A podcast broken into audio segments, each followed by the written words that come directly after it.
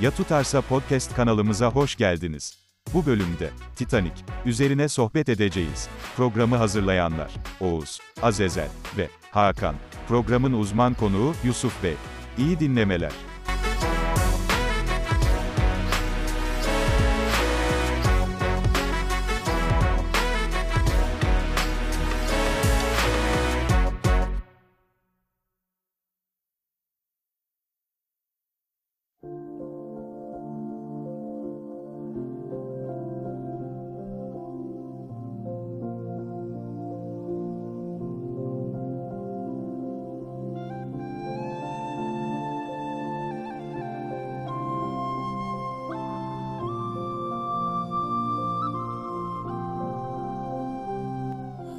Dinleyicilerimiz, Ya Tutarsan'ın bu bölümüne de hoş geldiniz.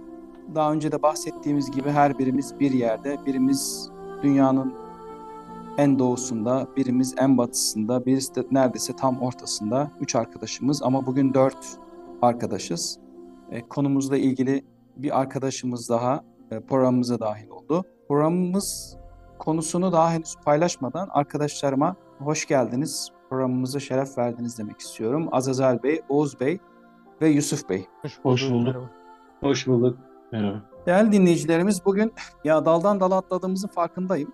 Ama başta Azazel Bey'in bu teklifiydi aslında diye böyle tek düze gitmeyelim insanları sık. Dolayısıyla bu hafta Titanic üzerine konuşmaya karar verdik. Diyeceksiniz ki Titanic üzerine ne konuşulabilir? Veya Titanic deyince akla bir film geliyor.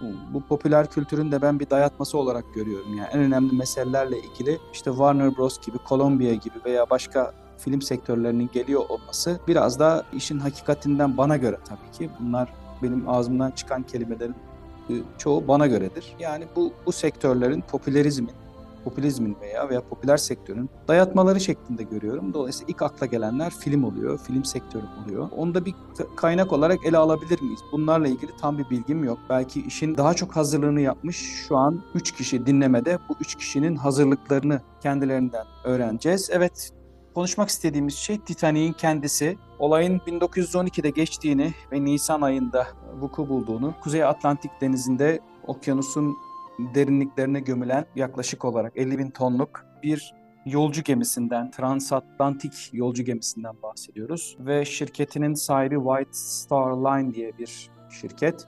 İsmi de RMS Titanic diye olarak geçiyor. Tabii bazı şeyleri zaten eğer merakınız olmuşsa zaten okumuşsunuzdur, görmüşsünüzdür. Yapımı yani uzun sürüyor. 26 ay kadar sürüyor. Ve yaklaşık 11.300 kişi bu geminin yapımında çalışıyor. Hatta ölenler de var. Belki konu geldiğinde onları da konuşuruz. Öyle düşünüldüğü gibi Titanic 1 kilometre uzunluğunda veya ne bileyim 500 metre uzunluğunda değil 269 metre uzunluğunda yaklaşık 28 metre genişliğinde ve daha önce de söyledik 50 küsür 50 bin küsür ton ağırlığında bir buhar gemisi. Geminin 3 pervanesine güç sağlayan iki zamanlı 4 silindir, 3 aşamalı buharlı itici motorlar ve düşük basınçlı türbinlerden oluşuyor. Bunu direkt okuyarak söyledim size. Başka özellikleri de var. Gemi deyince işin açıkçası gemi mühendislerine de ihtiyaç olacağını, gemi mühendisinin de bunun üzerinde konuşması gerektiğini düşündük. Konuyu üç şekilde ele almak durumunda kalabiliriz. Bir, Göbeklitepe'deki Titanic'in durumu nasıldı? İkincisi Oğuz Bey bununla ilgili ne diyecek? Gerçekten hepimizin de düşündüğü şeylerden birisi. Normalde önceki konularla bir şekilde alakalıydı, ilgiliydi. E, ama bu sefer Titanic üzerine de bir şeyler söylerse gerçekten de diyeceğiz ki e, evet helal olsun.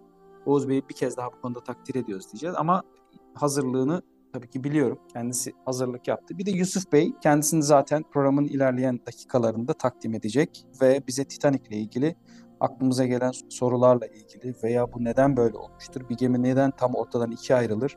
Veya geminin dört direği var neden öylesine bir tane daha direk yaparlar? Veya işte filika dediğimiz ahşap ıı, şeylerin, sandalların neden eksik olduğu, işte e, kutsayarak mı gönderildiği e, ve başındaki iddialar nelerdi? Geminin başlangıcında insanlar çok bazı konularla ilgili iddialı olduğunu düşündüğümüz söylentiler var. Çok fazla e, işte bu gemi batmayacaktır. Hatta Tanrı dahi bu gemiyi batıramaz gibi işte şeye de konu olmuş, filmlere de konu olmuş ama gerçek midir değil midir? Bunları öğrenmeye çalışacağız.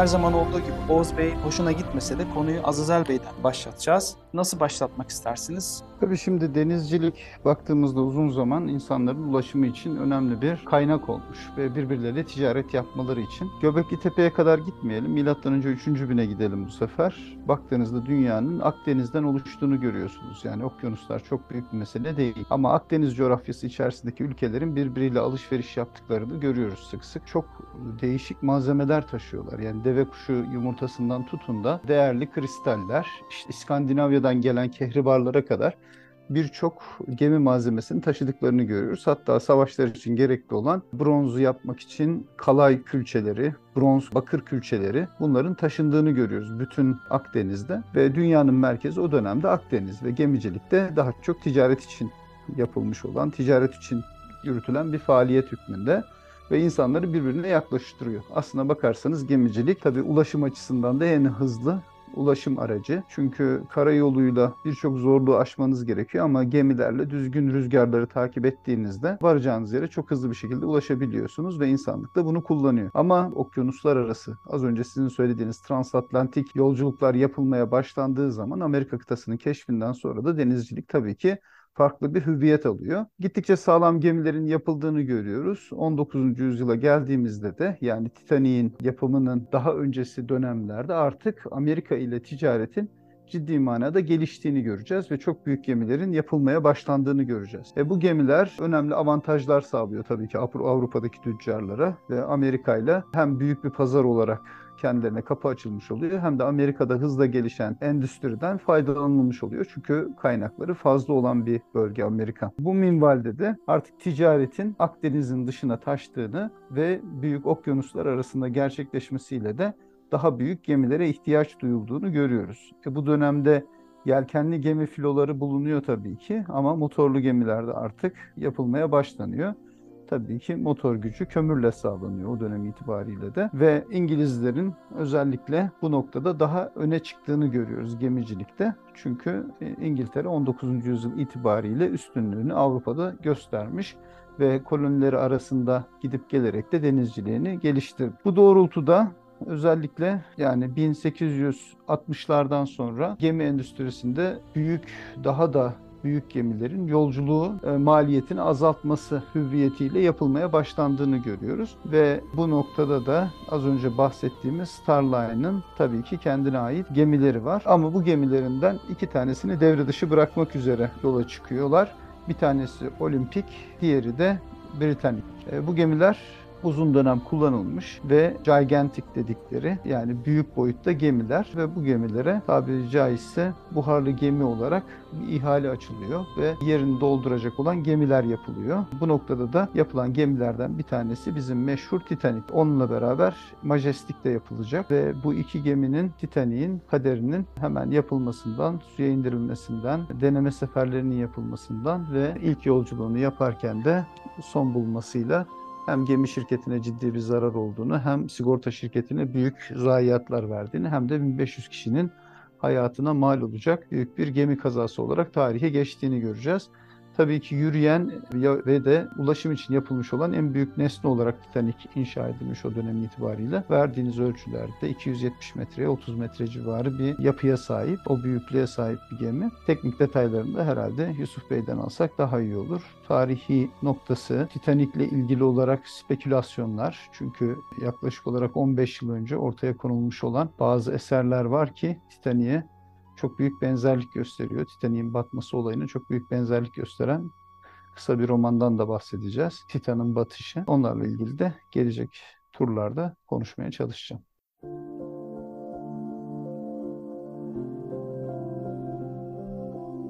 Evet teşekkür ediyorum. Kısa ve öz oldu. Esnada tabii bizi Bey dinliyor. Oğuz Bey'in ardından da söyleyecekleri şeyler vardır. Bazı ara ara istatistikler Oğuz Bey hoşlanmasa da vermek durumundayız tabii ki. Yaklaşık 2200 yolcunun 1500'ü maalesef kurtarılamadı diye biliniyor. Bunda yetersiz filika mı artık tersiz ahşap kayıkların olmayışı gibi ve e, belki de gemide birinci sınıf ki gemide acayip bir şey vardı bir level vardı insanlar arasında seçkinler asiller falan üçüncü, üçüncü mertebeye kadar insanlar vardı ama ge- gerçekten de şeyler azınlıkta kalıyordu asiller çünkü sadece sadece çalışan insan sayısı evet 176 kişi sadece kürekle atma kömürü yakıt olarak kürekle atma işiyle 176 kişi ilgileniyordu. Bunun dışında da gemide çok fazla çalışan insan vardı. Zaten kurtulanların bir kısmı da zaten asil sınıfından.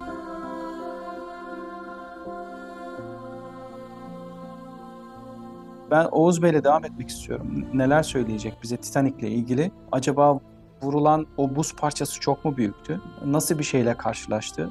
İnsanlar neden bu kadar çok fazla vefat etti? Ee, bir de anladığımız kadarıyla tam New York'a ulaşmak üzereyken yani ortaya artık geçmişti.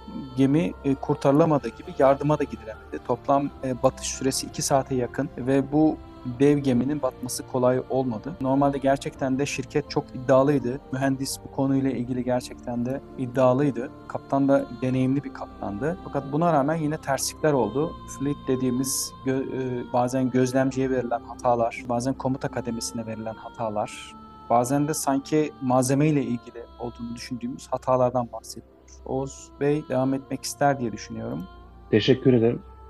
Yani genelde Azazel Bey'den sonra konuşmak pek kolay olmuyor biliyorsunuz. Çünkü meseleyi tarihsel süreç içerisinde çok ciddi ve doyurucu bir şekilde ele aldığından yani bu konunun tarihsel yönüyle alakalı bize pek bir şey kalmıyor. Tabii hani Göbekli Tepe'ye gitmedi ama bir Nuh'un gemisinden falan bahsederdi diye düşünüyorum. Herhalde onu e, sonraki kısma falan saklamış olabilir. Ama tabii Titanic'le alakalı çok bir Hakan Bey'in de söylediği gibi hazırlığım yok benim. E, yalnız bir şey düzeltmek lazım Hakan Bey. Titanic New York'a yakın bir yerde batmadı diye biliyorum. Kanada'ya yakın yani en en yakın kara noktasının Kanada olduğunu hatırlıyorum. Yani en yakında ulaşılabilecek noktanın Kanada olduğunu. Nova Scotia, Halifax. Evet, Evet. uzak bir yer yani. Ka- Kanada değil mi? Kanada o şey Tabii. oluyor. Zaten New Evet. York'a ulaşmaları da 3 gün sürecek yani. Kurtarma gemisinin de Evet. ulaşması 3 gün sürecek New York'a. Yani 5 gün yola çıkmış. 5 gün olmuş yola çıkalı. 4,5 gün olmuş hatta geceyi sayıyorsak. işte 3 gün kaldıysa 3-4 gün kaldıysa yolun yarısında yani henüz daha. Yani Titanic'le alakalı tabii verdiğiniz istatistiki bilgiler için teşekkür ediyorum. Ben her zamanki gibi bizi şey yaptınız yani e, çok mutmain ettiniz. Yani evet paylaştığınız şu anda arka plandaki haritadan da görebildiğimiz gibi New York'a bayağı daha var yani. Yani tamam yolu yarılamış biraz yarıyı geçmiş ama Kanada'ya daha yakın sonuçta benim dediğim gibi. Yani beni böyle şey yapmanıza, tekzip etmeye çalışmanıza lüzum yok. Az çok bizde gözümüz var, görebiliyoruz. Koordinat falan da şey yapmanıza gerek yok. Az çok onu da biliyoruz. Bir şey hatırlatmak lazım. Tabii istatistiki bilgilerin böyle yoğun şekilde boca edilmesi üzerimize benim çok hoşuma giden bir şey olma olmuyor yani. Pek hoşlanmıyorum. Ben tabii şu konuya hani en çok şeyim. Ya bu Titanic neden battı abi? Yani o kadar gemi yapıyorsun, masraf ediyorsun. Yani o günün parasıyla 7,5 milyon, 8 milyon dolar mı diyorlar? Öyle bir şey bugünün parasıyla da herhalde bayağı yapıyordur herhalde. Yani 200 milyon dolara buluyordur herhalde e, masrafları belki.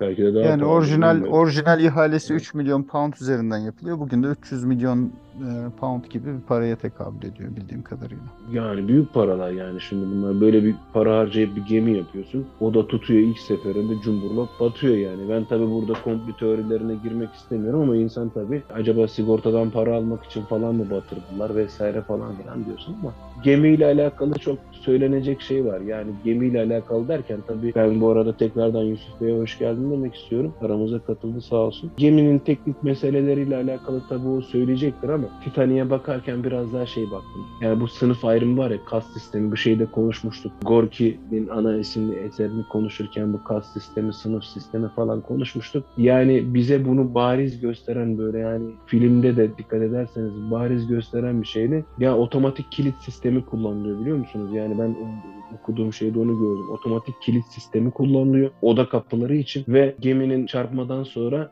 geminin bu otomatik kilit sistemi 3. sınıfla 2. sınıfta herhalde yanlış hatırlamıyorsam otomatik kilit sistemi aktive, aktive ediliyor ve e, o kapılar kapatılıyor. Yani insanlar çok uzun bir süre şeye çıkarılmıyor. Yani birçoğunun da kameralarda falan öldüğü söyleniyor. Üçüncü sınıftakilerin özellikle kameralarda öldüğü söyleniyor. Suyun altında kaldığı söyleniyor. Yani düşünebiliyor musunuz? Yani yukarıdan düğmeye basıyorlar. Sizi içeride odaya hapsediyorlar. Yani ben bu kas sistemine biraz takılıyorum. Bu kadar bariz. Çünkü az önce Hakan Bey söyledi. Gemide asil sınıftan çok az insan var aslında. Yani üçüncü sınıf, ikinci sınıf ve çalışanlarla birlikte e, ciddi bir aslında yoğunluk var diğer sınıflardan ama asillerin daha az olduğunu yani oranladığım zaman daha az olduğunu görüyorsunuz. Ama enteresan bir şey de filmde de gördüğünüz gibi biz o garibanların hayatlarını çok fazla şey yapamıyoruz. Göremiyoruz. Bir iki sahnenin dışında işte orada yapılan eğlencelerin vesaire kameraların durumunun gösteri dışında göremiyoruz. Film tabii aldatıcı biraz da. Bir aşk hikayesi gibi, Titanic'te bir aşk hikayesi gibi falan anlatılıyor. Az önce Azazel Bey'in bahsettiği bir mesele var. İşte e, Titanic'ten 14 yıl önce yazılan, Titanic'in batmasından 14 yıl önce yazılan zannedersem Morgan Robinson muydu? Morgan Robertson muydu? Öyle bir şey olması lazım adamın adı. Titan diye bir geminin batışını anlattığı bir romanı var. Yani neredeyse adamı Titanic'in battığı yerin koordinatını verecek kadar adama kahin diyorlar zaten sonra herhalde. Romanını yazmış. Tabii aşk hikayesi de herhalde oradan geliyor. Herkes söylüyor. Mesela işte bir belgesel seyretmiştim ama uzun zaman önce bununla alakalı tabii. Yani onu bulamadım aslında bayağı aradım.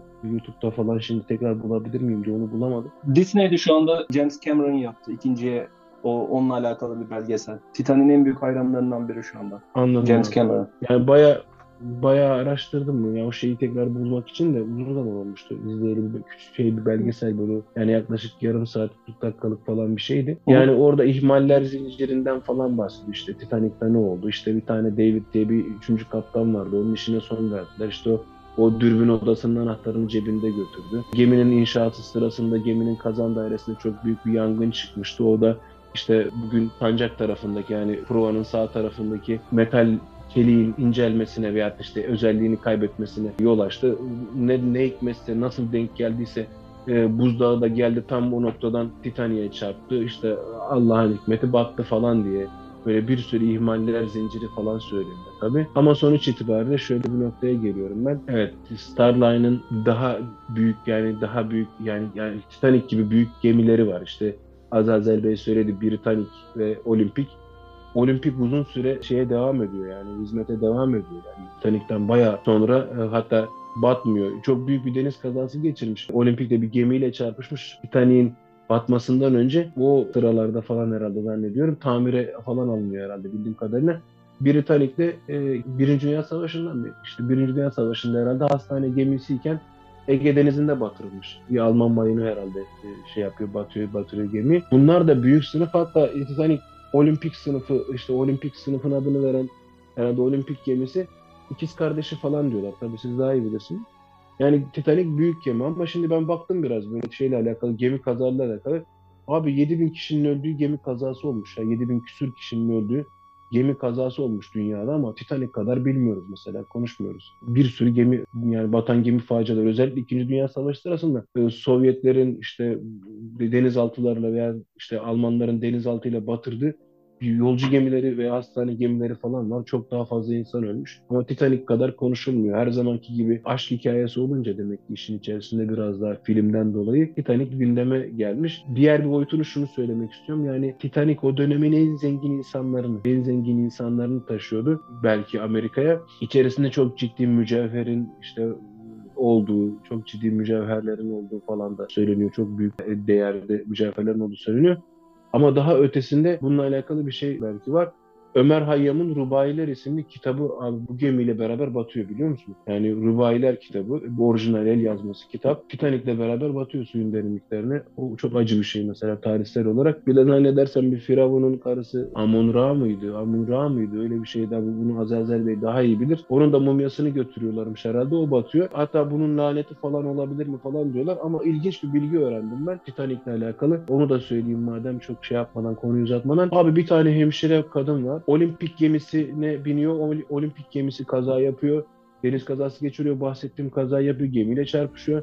Daha sonra bu kadın Titanic'le yolculuk yaparken Titanic batıyor. Bu kadın hemşire olarak Britannic gemisinde görevliyken abi Britannic gemisi batıyor. İnanabiliyor musunuz? Kadın 3 tane büyük gemi, aynı şirketin 3 büyük gemisinde seyahat ediyor.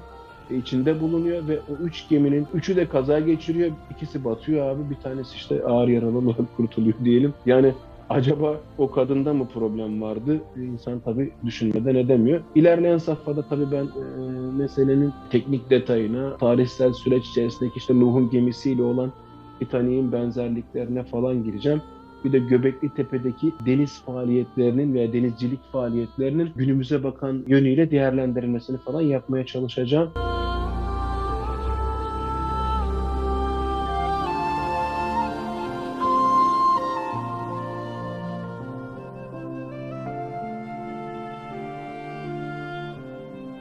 Az çok konunun girişi tamamlandı gibi. Her konuyla alakalı insanın söyleyecek bir şey olabilir. E, yani en basitinden bilmiyorum diyebilir. Ama böyle biraz daha şey gördüm sizin o yaklaşımınızı. Yani ne söyleyebilir ki?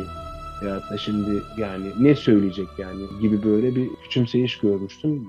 O bakımdan onun altını çizmek istiyorum. Yani bir küçümsemeden daha çok e, nasıl bir hazırlık yaptığınızı öğrenmek istemiştik. Daha henüz şey olmadı. Yani ilerleyen dakikalarda ortaya çıkacaktır illaki. Ya batan gemiyle alakalı e, benim nasıl bir hazırlık yapmamı bekliyorsunuz? Gemiyi çıkarıp e, şey mi yapayım yani? Aa bak abi burasından darbe almış, şey olmuş işte geminin kıç tarafı öbür tarafta kalmış bak işte ön taraf öbür tarafa bakmış. Aa ne kadar işte şurası yırtılmış bak geminin abi buzdağına sürtmüş. Abi bu sürtmeyle aslında bu kadar açılmaz işte.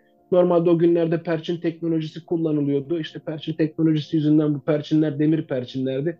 İşte e, en ufak bir darbede attın, atmışlar falan filan bunları mı anlatmam lazım? Yani sizin tam olarak e, hazırlık dediğiniz nedir? Onu öğrenebilir miyim? İnşallah. Onu soruyorum. Ne yapılabilir? Mesela e, bilgi veriyorsunuz. istatistiki bilgi veya teknik bilgi Yani merak edilen şeylerden Ya Titanic- birisi e, Ya Titanic bir kere bak 70 gross tonluk bir gemidir yani. O 70'in üzerindeydi herhalde. 70 veya 70 üzeri olması lazım. 50 değil yani. Teknik bilgi vereceksek bir kere bu bu bilgiyi altını çizerek verelim yani. Robertson'un kitabındaki gemide yet, zannedersem 76 veya 79 gross tonluk bir gemi yani o günün şartlarında.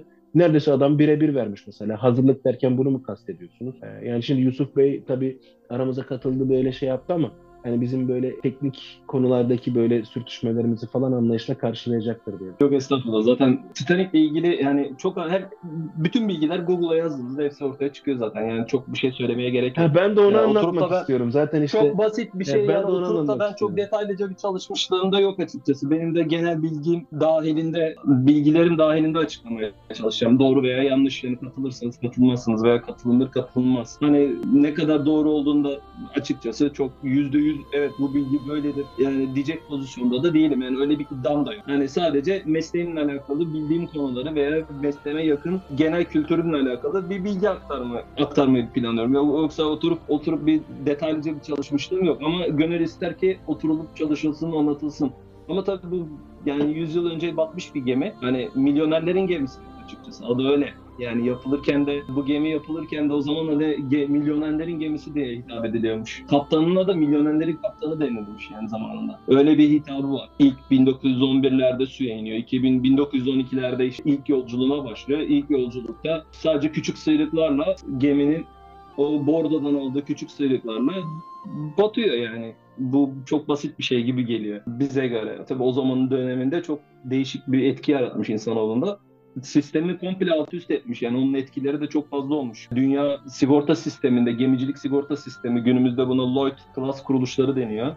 Bunlardaki teknik donanım hepsi komple sistemler, güvenlik sistemleri, gemi mevzuatları hepsi Titanic'ten sonra çok sağlam bir değişime uğramış mesela. Yani bunun etkileri böyle bir olmuş. Onun dışında o dönemde bir yığın komple teorisi var. Yani bu kadar uzatma. Ben, benim açımdan ben komple teorilerini oturup okup da bunu anlatmaya gerek yok diye düşünüyorum. Evet, Yusuf Bey gemi inşaat mühendisi bu arada ve bununla ilgili ben kendisini tanıdığım günden bu yana kadar denizciliğe ve deniz sektörüne ve deniz teknolojilerine karşı gerçekten çok ciddi merakı var. İlginin ötesinde. Kendi mesleği zaten. Ama herkes kendi mesleğini sevmeyebiliyor. Yusuf Bey kendi mesleğini çok seviyor. Şu anda da zaten o alanda çalışıyor. Tersane'de burada e, Avustralya'da e, güzel bir şirkette iyi bir pozisyonda yine kendi alanında çalışıyor. Ben kendisinin konuşmasının daha toparlayıcı olması açısından ve merak edilenleri konuşmasını arzu ediyor olmamız açısından şöyle bir girişle kendisine sorayım veya birkaç bilgi vererek kendisini devam etmesini isteyeyim. Gemi mi konuşulması gereken asıl tema yoksa batışı mı? Yoksa bunun dışında üçüncü bir şey mi var? Fleet e, buzdağını gördükten sonra veya buzdağı olduğunu düşündüğü şeyi kendince ondan da emin olamıyor başta. Bu çarpışmanın tamamı çarpışma ve bitişi 37 saniye sürüyor. Çarpışma 10 saniye. Bu bizi şaşırtacak bilgilerden bir tanesi olabilir. Bir diğeri de gerçekten de çok büyük bir buzdağından bahsetmiyoruz. Bir diğeri de e, geminin görülür görülmez buzdağı görüldüğündeki yapılan bir bir hareketi var. Gemi sola doğru kaydırılıyor. E, acaba kaydırılmasa mıydı? Kaydırılsa böyle oldu. Kaydırılmasa mıydı? Çarpışmanın etkisi nasıl olurdu acaba? Çünkü öbür türden hiç e, akla gelmeyecek şekilde çiziklerle ilk 5 kompartman dediğimiz aşağı yukarı 1 metrekarelik küçük oyuklar halinde delik deşik onlara sular sızmaya başlıyor. Bir bu açıdan deniz teknolojileri açısından şu an düşündüğünüzde yani öyle bir şeyden bahsediyoruz ki kendi hakkında yapılan film dahi ondan daha pahalı aslında. Ama zamanında gerçekten çok değerli. Mühendislik olarak nasıl değerlendiriyorsunuz? Ve çarpışmayı nasıl değer? Bu bilgiler dışında çarpışmayı, alınan kararları, yapılan ihmalleri. Bir de hani üçüncü dediğimiz konuda şey olabilir. Yani gemideki bütün mürettebatın tahliyesi hususunda alınan kararlar bunlar da eleştiriliyor. Buyurun söz sizde abi. Teşekkür ederim. Yani Titanic çok komplo teorilerine dayalı böyle çok böyle şeyler e, gezen konular var. Yani bu detaylar var. Ama asıl ortak bir teori var. Bunu tabii bu James Cameron bulduktan sonra bunu denizin dibinde bulduktan sonra bu olaylar detaylar ortaya çıkıyor. Simülasyonlar yapılıyor. Bu simülasyonlarla geminin nasıl battığı veya nasıl olduğu yani asla batmaz denilen o, o geminin okyanusun dibini nasıl bulduğunu indiğini e, detaylıca öğrenmiş oluyorlar. Yani milyonen, milyonerlerin gemisi, milyonerin özel gemisi böyle olan gemi, hiç batmaz denilen gemi nasıl suya iniyor? Yani dibi buluyor, boyluyor, okyanus tabanına iniyor. E, şimdi bu gemi aslında o dönemde mühendislik harikası deniliyor. Asıl batma nedenlerini hani mühendislik açısından incelersek yani nasıl diyebilirim? İskele bölümüne kaydırmasa çok basit bir şey. Çok çok yani teori de basit bir teori bu. Çok e, basit bir konu. Bozdağını gördüğünde iskele bölümüne kaydırmasa gemiyi hiçbir şekilde bodoslama girip çarpsa geminin mukavemeti ön bodoslama baş taraftaki bodoslama o forepik dediğimiz baş baş pikteki o konstrüksiyon onu absorbe edip bir şekilde o gemiyi yaralı bir şekilde de olsa e, karaya ulaştıracağını ben düşünüyorum. Ve öyle konuşuluyor da. Öyle bir görüş de var. Ama tabii kaptan heyecana kapılıyor galiba anladığım kadarıyla o dönemde. Ve bir şekilde acil bir şekilde görüyor. İskeleye doğru gemiye talimat veriyor.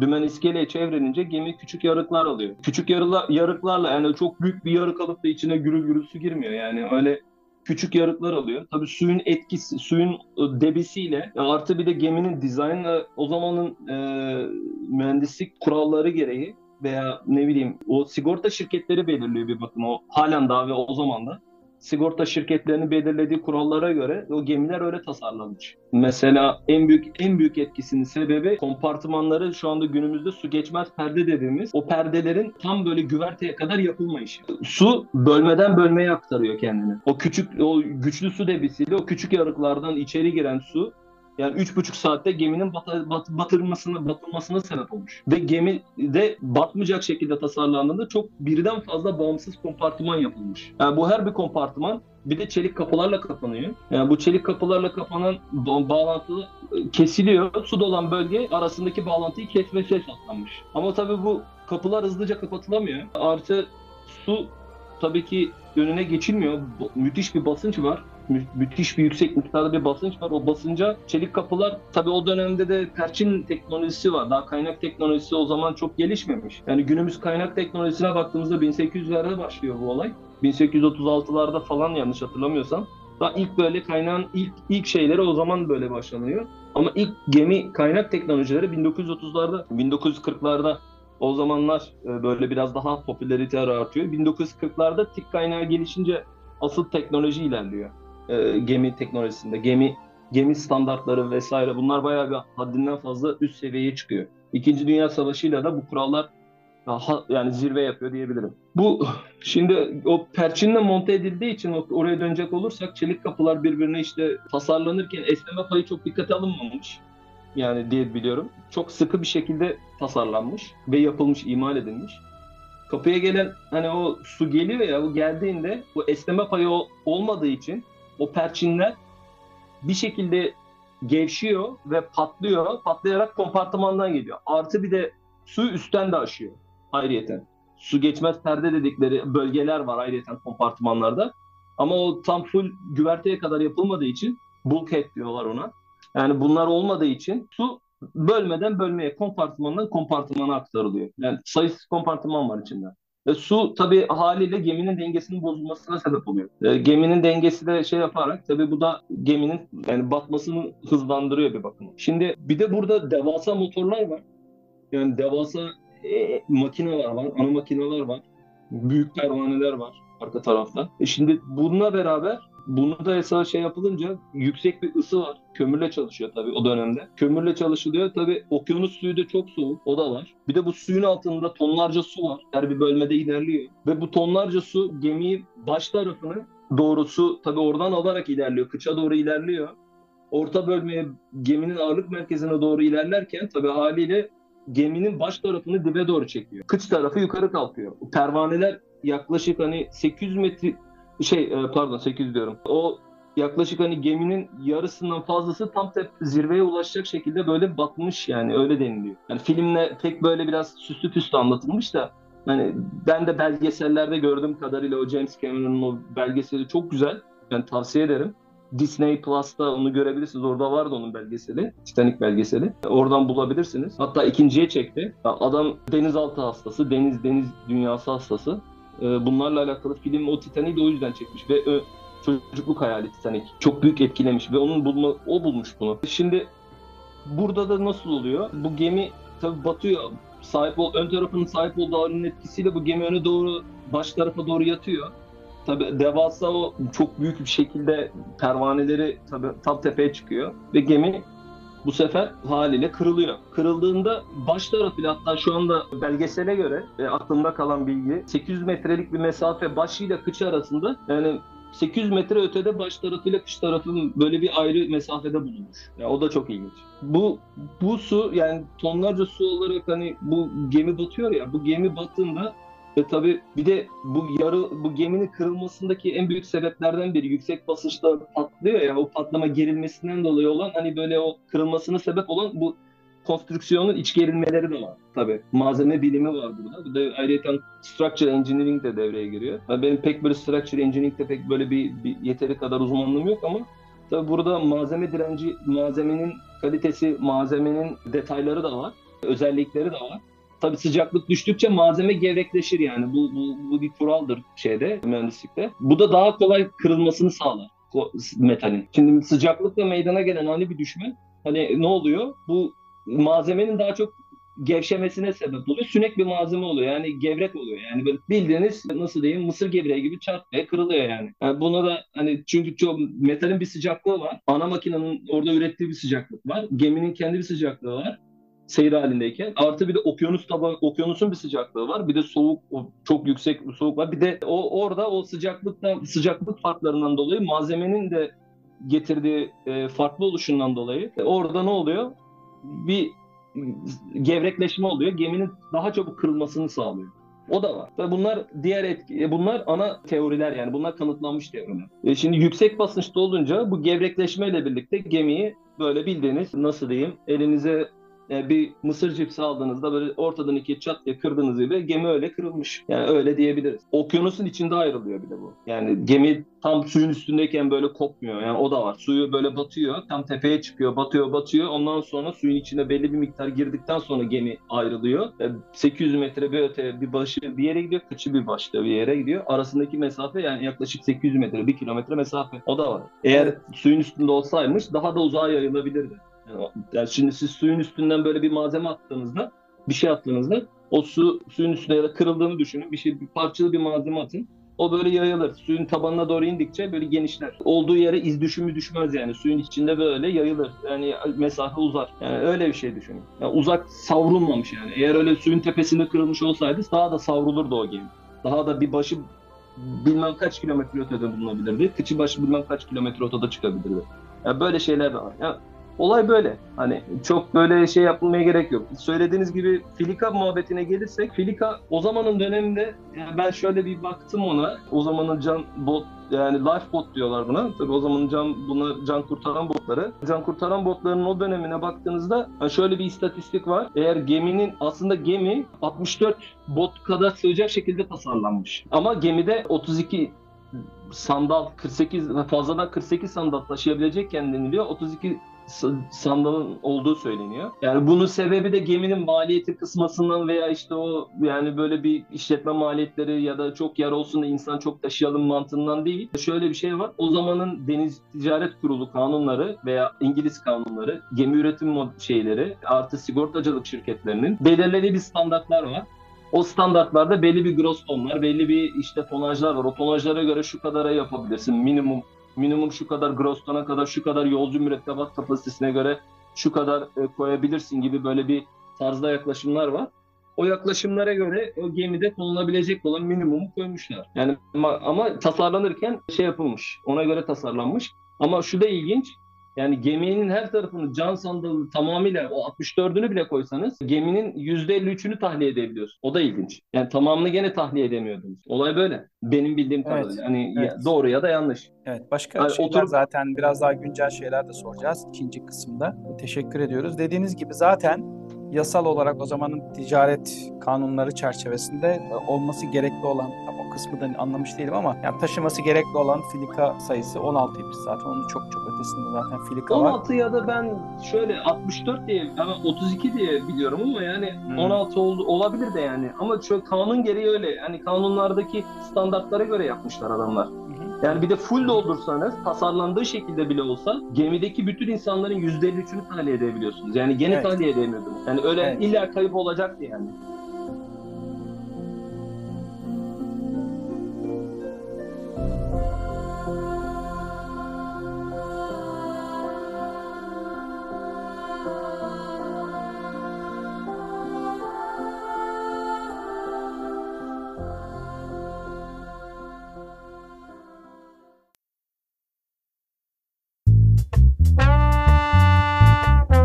Titanic konusunu konuştuk bugün. Fakat henüz birinci bölümü dinlemiş bulunmaktasınız. İkinci bölümde konuyu detaylarıyla ele almaya devam edeceğiz. Ya tutarsayı. Spotify, Apple Podcast, Google Podcast, Anchor.fm, Amazon Podcast, Overcast ve YouTube kanalları üzerinden dinleyebilir, yorumlayabilir, hatta sevdiklerinize de tavsiye edebilirsiniz. Kendinize iyi bakın. İkinci bölümde görüşmek üzere. Esen kalın.